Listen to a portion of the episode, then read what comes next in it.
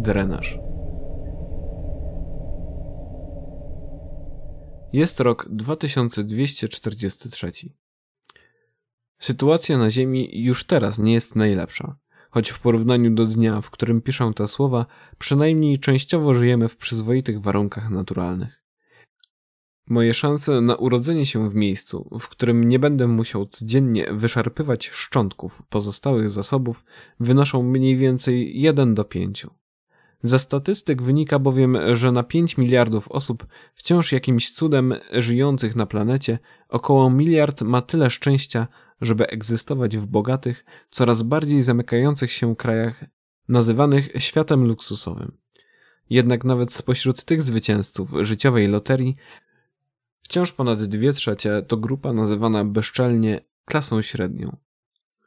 Zamieszkują tereny skażone zanieczyszczeniami z fabryk i kopalń, oddychają okropnym powietrzem, jedzą paskudne, przetworzone produkty, od których nabawiają się nowotworów, na leczenie tych ostatnich zaś nie mają pieniędzy. Mogą oczywiście spróbować realizacji czegoś, co do dziś popularnie nazywa się amerykańskim snem. Pójść na dobre studia, ciężko pracować i po kilkunastu latach zaliczyć awans społeczny pozwalający na cieszenie się względnie czystym środowiskiem oraz wysokiej jakości jedzeniem ale nawet dla nich gra jest od początku ustawiona w sposób nieuczciwy. Mniejszy komfort finansowy nie pozwala im na poświęcenie się rozwojowi osobistemu w stopniu, na jaki mogą pozwolić sobie ich uprzywilejowani rówieśnicy. Edukacja zaś kosztuje, co zmusza ubogich do zarabiania od najmłodszych lat, a ta okoliczność również ucina i tak skromne zasoby czasowe pozostałe na realizację marzenia o lepszym życiu.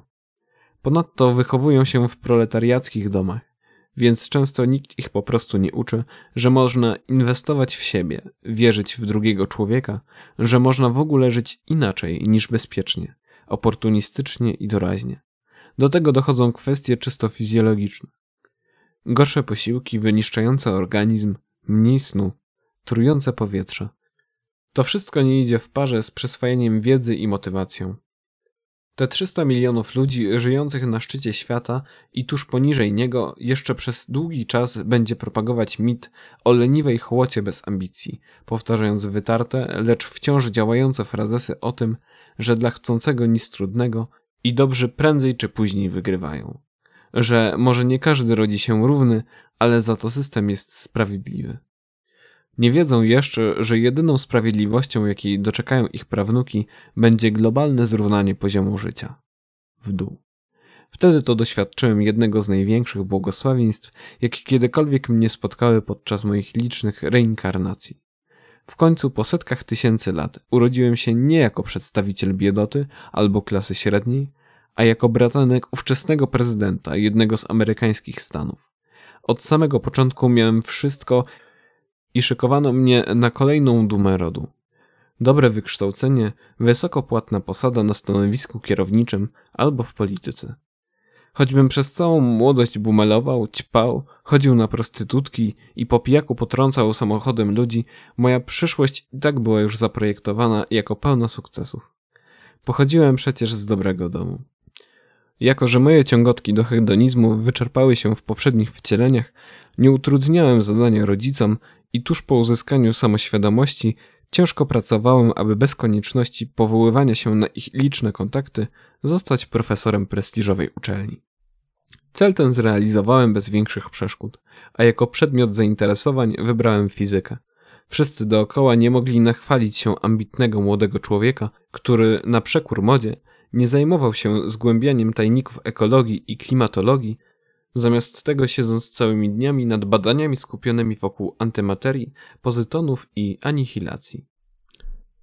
Absolutnie nikt nie podejrzewał, że małomówny naukowiec prowadzi kolejne przełomowe eksperymenty w tym obszarze nie dla powiększenia ziemskiego stanu wiedzy, ale z pobudek czysto egoistycznych. Nienawidziłem świata, w którym ostatecznie po tylu latach tułaczki mojej świadomości przyszło mi żyć. Chciałem go na zawsze opuścić. Jednocześnie nie byłem w stanie popełnić ostatecznego samobójstwa. Próbowałem wielokrotnie, ale zawsze kończyło się to odrodzeniem. Musiałem więc znaleźć sposób, aby unicestwić swój byt w sensie kompletnym. Przerobić go na proch w postaci strumienia fotonów. Zanihilować. Dlatego ten żywot poświęciłem głównie na rozwijanie projektu pozwalającego zrealizować marzenie o wiecznej pustce. Świat miał go później poznać pod nazwą drenaż, którą sam mu nadałem. Generacja antymaterii reprezentującej idealny negatyw mojego umysłu, pozwalającej zdmuchnąć go jak świeczkę, nie zostawiając nawet fundamentów dla odbudowy. Czarna dziura dla świadomości. Znów, choć przecież nie miałem pojęcia, czy faktycznie pomoże mi to w osiągnięciu celu, miałem silniejszą niż kiedykolwiek intuicję podpowiadającą mi, że tak się stanie. Nie umiałem sobie tego wytłumaczyć. Po prostu wiedziałem, że się nie mylę. Czułem się zupełnie tak, jakby ktoś zakodował to w mojej podświadomości. Mijały więc lata, a ja za pieniądze uprzywilejowanej garstki ludzkości pisałem eseje na temat technologii, która miała mi posłużyć do samozniszczenia. Nikomu to nie przeszkadzało, w końcu pochodziłem z ważnej rodziny. Poza tym nikt nie przypuszczał, że taki właśnie jest cel moich badań. Bez równoległego rozwoju wszystkich gałęzi wiedzy nie rozwiążemy problemów trapiących świat. Mówiono często, zachwycając się ludźmi takimi jak ja, walczącymi, aby przygotować teoretyczne podwaliny nowego ładu, mającego wyprowadzić planetę z kryzysu. Zapomniano przy tym, że głównymi czynnikami pozwalającymi ów ład wprowadzać są dobra wola i chęć działania, a nie same artykuły naukowe. Czyli innymi słowy, powtarzano te same błędy, które przez ćwierć tysiąclecia doprowadzały wszystko do coraz większej ruiny. Walka na pozór, tanie zaangażowanie w mediach społecznościowych, greenwashing, spchanie realnych działań na margines. Niech naukowcy głowią się nad rozwiązaniami, a gdy przyjdzie czas na realizację ich ambitnych projektów, odłożymy je do szuflady. Czy wiecie jednak, że przeznaczamy aż 5,5% produktu krajowego brutto na te badanie? I wy, bez ambicji siedzący w slumsach, zarzucacie nam brak działań? Politycy w warstwie uprzywilejowanej ciągle grali na tych samych emocjach. Z jednej strony bezcelowy progres skupiony na zysku i udawane dbanie o mniejszości. Z drugiej strach przed mitycznymi obcymi, którzy chcą zabrać wam rajski ogród, na który ciężko pracowaliście. Wszystko po bandzie podparte masą kłamstw. Niewystarczające albo krótkowzroczne. Pośrodku tego wszystkiego ja, strugający sobie gilotynę. Drenaż zajął mi całe ówczesne życie, a gdy w dużej mierze dzięki wkładowi finansowemu swojej bogatej rodziny już kończyłem jego opracowanie teoretyczne i zacząłem zajmować się budową prototypów, umarłem. Nowotwór płuc zabrał mnie ze świata w wieku 62 lat. Widocznie jakość powietrza, nawet w naszym rajskim ogrodzie, pozostawiała sporo do życzenia, bo nie byłem osobą palącą, ani w żaden inny sposób wystawiającą się na czynniki sprzyjające rozwojowi akurat tej choroby. Przez kilka następnych wcieleń rodziłem się w biedzie, bez nadziei i bałaganie, czyli jako dziecko kolejnych przeciętnych ludzi zamieszkujących Ziemię. Plany drenażu leżały w uniwersyteckich szafach oraz na serwerach, a ja nie miałem możliwości, by choćby zbliżyć się do wznowienia pracy. Raz udało mi się jako trzydziestolatce złapać angaż w laboratorium fizycznym mało prestiżowej placówki dydaktycznej w roli asystentki. Widocznie nawet moje mało reprezentatywne pochodzenie nie było w stanie przyćmić wiedzy, jaką zaskakiwałem rozmówców z uczelni. Pół roku później, zanim udało mi się poczynić w sprawie jakikolwiek postęp, zostałam dźgnięta nożem przez mężczyznę z rozwścieczonego tłumu maszerującego w stronę bogatych, odseparowanych dzielnic Nowego Jorku. Sama byłam w tym tłumie, ale popełniłam błąd, wspominając kilku spotkanym osobom, że od niedawna pracuję naukowo i przez to jeszcze bardziej gardzę wszystkim, co widzę w wyższych sferach. Zaciągnięto mnie w uliczkę, zwyzywano od jednej z nich i zabito kilkoma pchnięciami w klatkę piersiową. Nawet nie byłam specjalnie zła. Co najwyżej w ostatnich tchnieniach żałowałam, że zaszłam tak daleko na marne. Dopiero ponad 300 lat po opracowaniu teoretycznych podstaw drenażu, którym, co nie dziwne, nikt poza mną w tak zwanym międzyczasie się nie interesował, udało mi się zyskać możliwość podjęcia prac na nowo. Było to już w okresie, w którym ludzkość zaczęła koncentrować się na Islandii, przygotowując ją pod port do ostatniej podróży naszego gatunku. Wtedy pochodzenie przestało mieć w oczach decydentów jakikolwiek znaczenie. Plan ratunkowy dla Homo sapiens wymagał ogromnej pracy, a osoby chętne do poświęceń i obdarzone odpowiednimi umiejętnościami były bez zbędnych ceremonii dopuszczane do wiedzy i niezbędnego sprzętu. Wystarczyło jedynie dać się zauważyć, co niestety nie było proste, ale jednak wykonalne, nawet dla osoby z nizin społecznych. Choć technologia drenażu nie była priorytetem, widząc moje niezdrowe zainteresowanie tematem oraz imponującą wiedzę, zezwolono mi na wznowienie badań, zakładając, że koszt jest niewielki, a być może kiedyś wynalazek ostatecznie się przyda.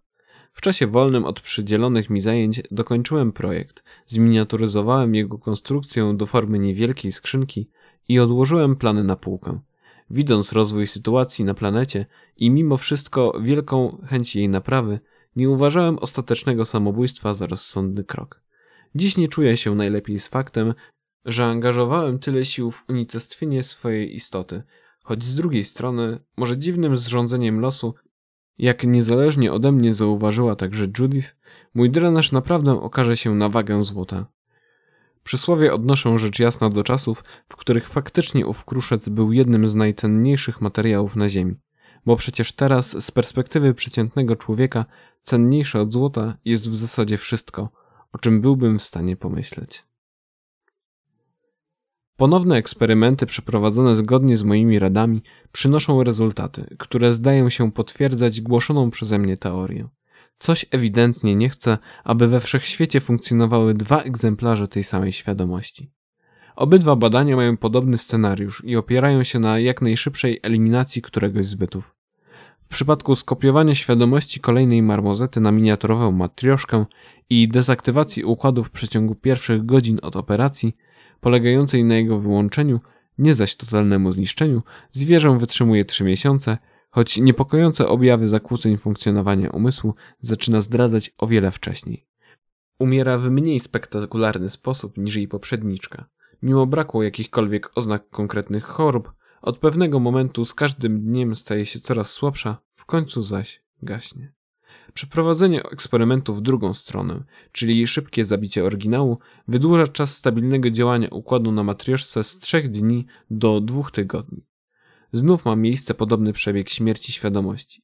Stopniowe tracenie koherencji i mało atrakcyjna w porównaniu z odgryzaniem własnej nogi, faza końcowa zakończona ewolucją sprawiającą, że nie ma sensu sztucznie podtrzymywać egzystencji tego fascynującego wynalazku. Pozostaje więc jeszcze moja główna propozycja anihilacja. Moim zadaniem w czasie trwania nowych badań jest odświeżenie idei drenażu.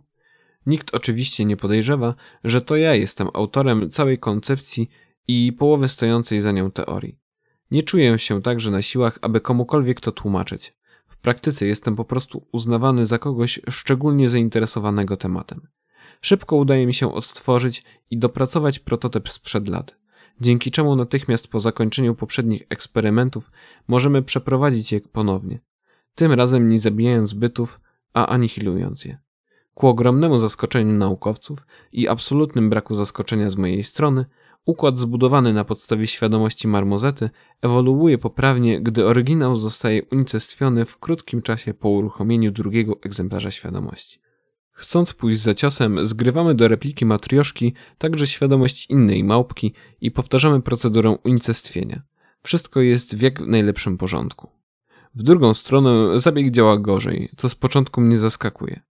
Anihilacja układu zawierającego sklonowaną właśnie świadomość nie jest w stanie zapobiec śmierci oryginału. Kończą swój żywot w sposób podobny do tego, jaki obserwowaliśmy przy klasycznym wyłączeniu i zniszczeniu maszynerii czyli początkowy brak objawów, następnie stopniowo rosnąca osowiałość, wreszcie po niespełna trzech miesiącach śmierć. Zaczynają się dyskusje natury moralnej. Czy powinniśmy wykorzystywać biedne zwierzęta do tak niepewnych eksperymentów? Co dzieje się w głowie takiej istoty, gdy przeżywa swój dwubyt? Rozmawiamy o tym bardzo długo, tygodniami. Jako, że nasze naukowe grono w instytucie jest hermetyczne i dość równe pod względem wiedzy oraz kompetencji, zarządzamy demokratyczne głosowanie, przedtem zbierając wszelkie argumenty w miniaturową publikację. Każdy głosujący jest zobowiązany wnikliwie ją przeczytać, żeby pozwolić na rozważenie sprawy bez nadmiernego udziału emocji, ogłaszamy kolejny miesiąc do namysłu który poświęcamy na inne badania, e, zawieszając dalsze zabawy ze świadomością do momentu rozstrzygnięcia. Z 7 tysięcy osób stanowiących ekipę naukową, 6,5 tysiąca głosuje przeciwko kontynuowaniu badań. Większość argumentuje później, że człowiek uczynił już innym formom życia wystarczająco dużo zła, goniąc za swymi marzeniami i potrzebami.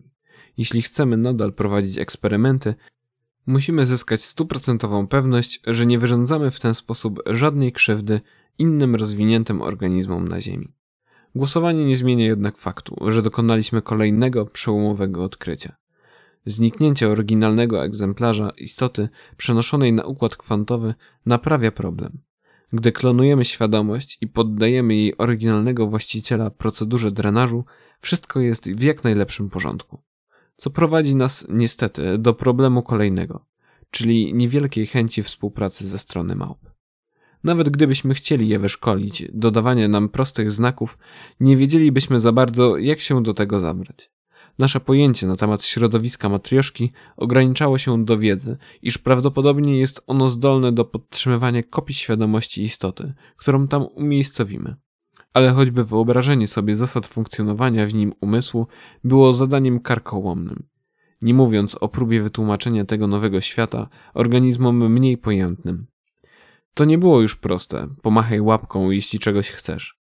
Dopóki człowiek nie zobaczy tego na własne oczy od środka, choć oczy to może nie najlepsze słowo, tak długo nie będzie w stanie w pełni pojąć zasad przekazywania informacji pomiędzy układem kwantowym a środowiskiem zewnętrznym. Zwierzęta mają otwarte kanały komunikacji, przez które mogłyby wysłać nam jakiś komunikat z wnętrza miniaturowej matrioszki. Nie robią tego jednak, a my nie jesteśmy w stanie ich do tego zmusić.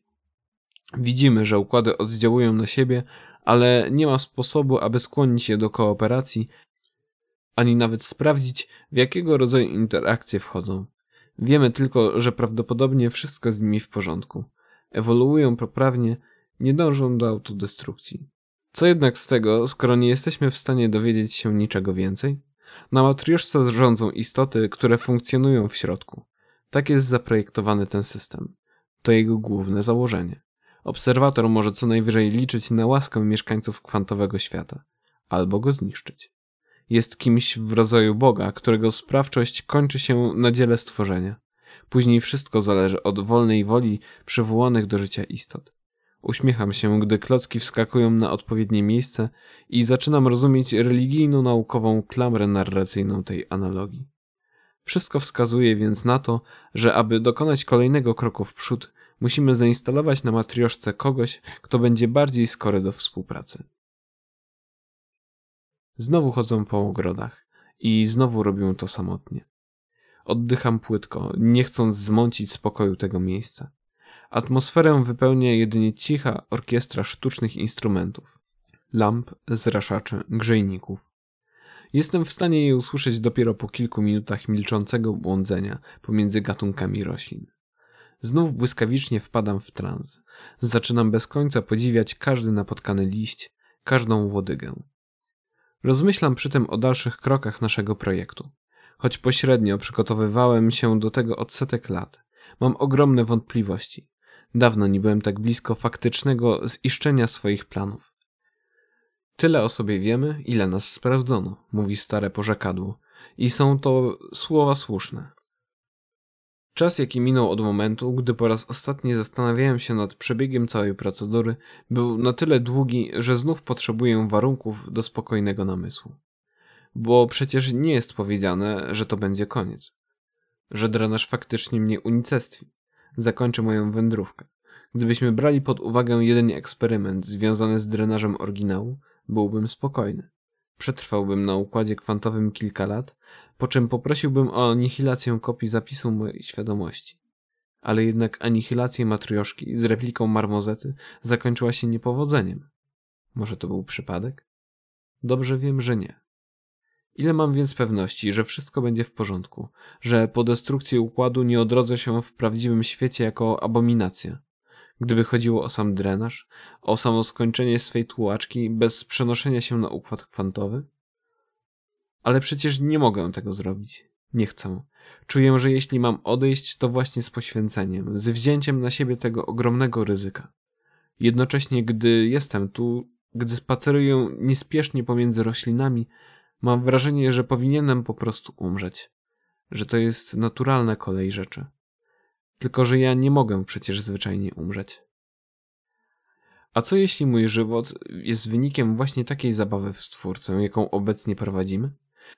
Jakiegoś nieostrożnego manewru wykonanego przez obcą cywilizację, która wyprzedzała nas o miliardy lat?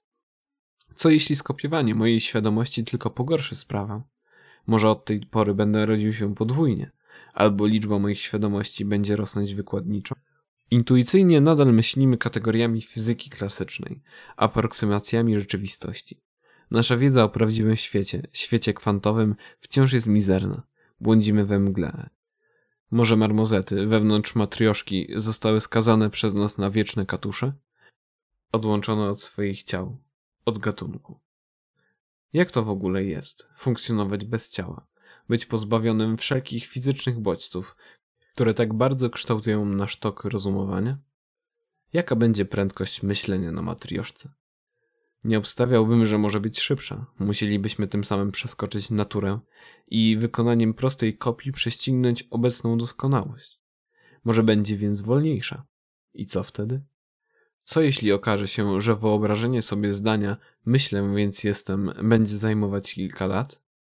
Jeśli wysłanie obserwatorom układu prostego komunikatu tak, żyję potrwa na tyle długo, że obserwatorzy ci stracą nadzieję i zanihilują świadomość, zanim ta zdąży rozprostować kości? Wreszcie, czy mamy pewność, że układ zbudowany na podstawie ludzkiej świadomości jest w stanie ewoluować wiecznie? Co jeśli, tak jak niemal wszystko w przyrodzie, jest zaprojektowany, by w końcu umrzeć? Co jeśli po przekroczeniu pewnej granicy egzystencja stanie się koszmarem i mimo braku ciała, które może się zestarzeć, każdy umysł będzie popadał w ruinę? To, że moja świadomość jest w świetnej formie, może mieć bezpośredni związek z faktem, iż regularnie skopiowana i przynajmniej do pewnego stopnia resetowana. Gdyby w tym ogrodzie był ktoś jeszcze. Czasem jest, ale nie teraz. Bardzo długo rozważam swoje możliwości. Robię jakieś 50 kursów po wszystkich dostępnych ścieżkach. Mija mnóstwo czasu. Wiem, że nie wyśpię się na jutro do pracy końcu postanawiam wrócić do siebie. Wychodząc z ogrodu, jako że obecnie pracuję na nocnej zmianie, wita mnie blask słońca. Metropolia jest nieco żywsza niż po zmroku, choć nadal sprawia wrażenie osowiałej. Parę osób korzysta z publicznych terminali, by znaleźć coś w sieci. Ktoś opatruje drobne skaleczenie przy stacji pierwszej pomocy. Mały tłumek wychodzi ze stacji metra. Wszyscy jakby zupełnie osobno, bez energii, bez błysku w oczach, a może mi się tylko wydaje. Bo jak większość ludzi, mam skłonności do idealizowania przeszłości, na dodatek rozbuchane przez długość swego dziwnego życia. Do mieszkania wchodzę wyczerpany. Postanawiam, że wezmę prysznic bezpośrednio przed pracą. Teraz jawi mi się on jako niewyobrażalne wyzwanie fizyczne i psychiczne. Tuż przed położeniem się w łóżku kartkuję jeszcze swoją starą księgę, zupełnie bez celu chyba tylko ku pokrzepieniu serca i przypomnieniu sobie, ilu rzeczy doświadczyłem. Kładę się, ale przez długi czas nie usypiam. Nie mogę. Nie spodziewałem się, że po tym wszystkim jestem jeszcze w stanie zwyczajnie po ludzku się bać. Siedzimy z szefem instytutu w wyjątkowo niesterylnym, jak na warunki dzisiejszego świata, pomieszczeniu. Żarówkowe światło o żółtej barwie odbija się od quasi skórzanego obicia, którym pokryte są nasze fotele. Ginie pośród włókien bordowego dywanu wyściełającego podłogę. Rozdziela nas ciężkie dębowe biurko. Jedyną skazą na tym nierzeczywistym malowidle jest rozciągający się za plecami dyrektora krajobraz widziany przez szklaną ścianę. Wysokie budynki, biel, elektrownie, reaktory, system oczyszczania powietrza, mnóstwo identycznych bloków mieszkalnych. Dyrektor ma widoczny na pierwszy rzut oka sentyment do stylów sprzed epoki dezinformacji. Notatki sporządza piórem, często, tak jak dziś, ubrany jest w marynarkę zarzuconą na białą koszulę. Wyróżnia się tym wśród tysięcy tak samo wyglądających i korzystających z tych samych osiągnięć technologii ludzi, przemierzających codziennie korytarze Instytutu. Zupełnie tak, jakby pragnął otaczać się jedynie przedmiotami z czasów, w których można było jeszcze wszystko odwrócić, w których nadal była nadzieja na ratunek. Ale człowiek nie zdawał sobie w pełni sprawy, że tego ratunku potrzebuje. Nie jestem odziany w żaden wyjątkowy sposób. Mam na sobie ten sam biały fartuch laboratoryjny. Nie pomyślałem nawet, żeby zdjąć go po pracy. Niebieską koszulę i czarne spodnie, które noszę niemal codziennie.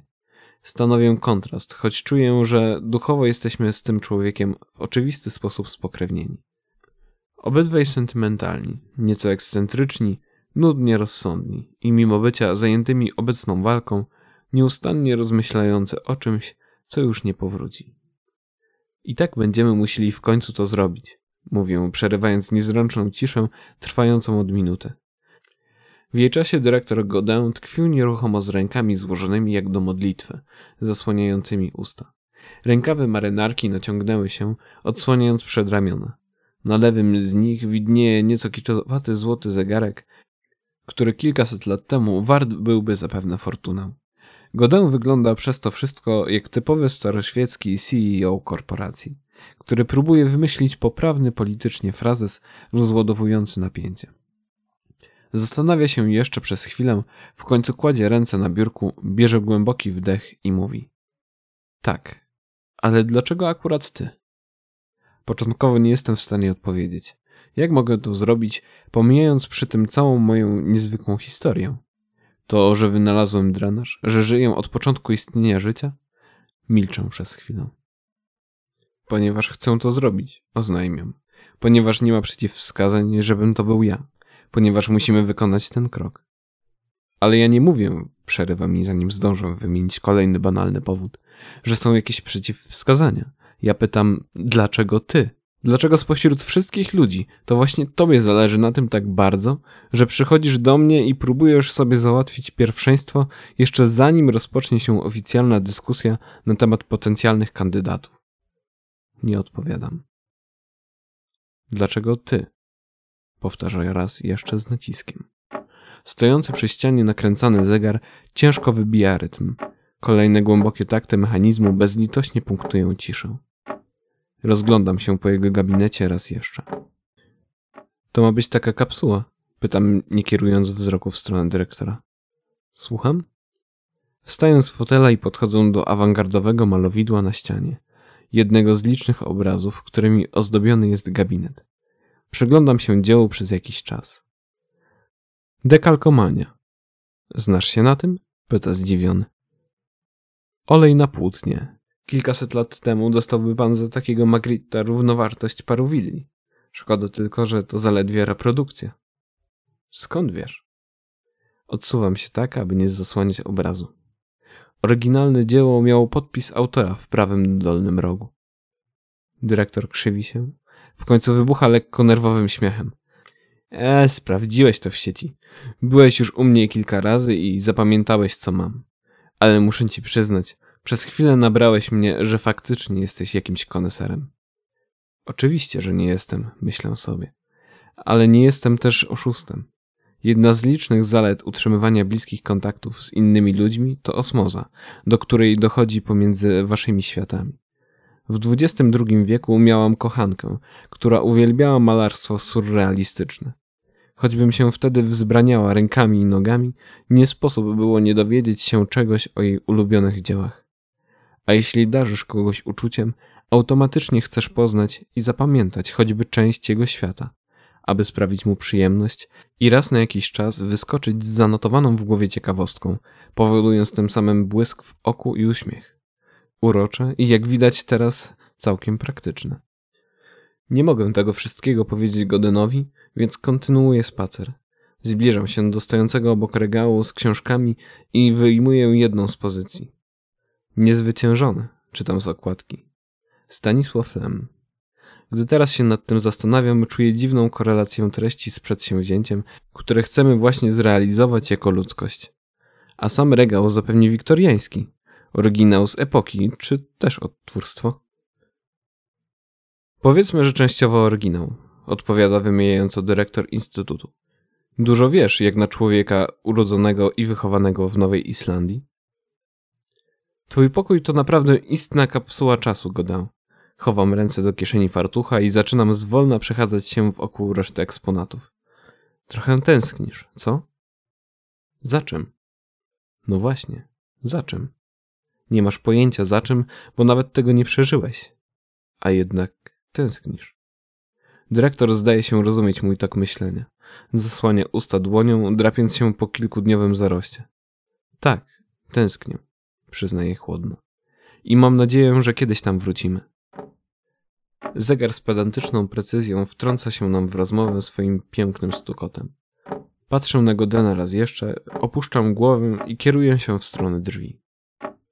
Nie ukrywam, zaczepia mnie jeszcze, że twoja zaskakująca znajomość antyków i dzieł sztuki robi na mnie wrażenie. Zresztą o to ci przecież chodziło, prawda? Czasy się zmieniają, a metody pozostają te same. Wejdź szefowi w tyłek, poznaj jego hobby i będziesz mógł załatwić wszystko. Uśmiecha się z ledwo zauważalnym rozczarowaniem, po czym lekko ściska usta. Kiedy chwytam za klamkę, przychodzi mi do głowy jeszcze jedna rzecz. Kiedyś kupiłem na pchlim targu cały karton listów, mówię. Sprzedawca reklamował to jako zabytek po starym polityku. Podobno zdobył go przy rozbiórce jakiegoś muzeum. Twierdził, że nie ma pojęcia o co w nich chodzi, bo są napisane w dziwnym języku. Dałem za wypełniony po brzegi karton równowartość dwóch skromnych posiłków, choć spokojnie mogłem zbić cenę jeszcze niżej, bo nikt inny nie chciał tego kupić. Posiłków? Dziwi się dyrektor. Na jakim targu? Tu na Islandii? Przecież tu nie ma żadnych targów. Otwieram drzwi, ale przed wyjściem powstrzymuje mnie głos Godena. Czyje to były listy?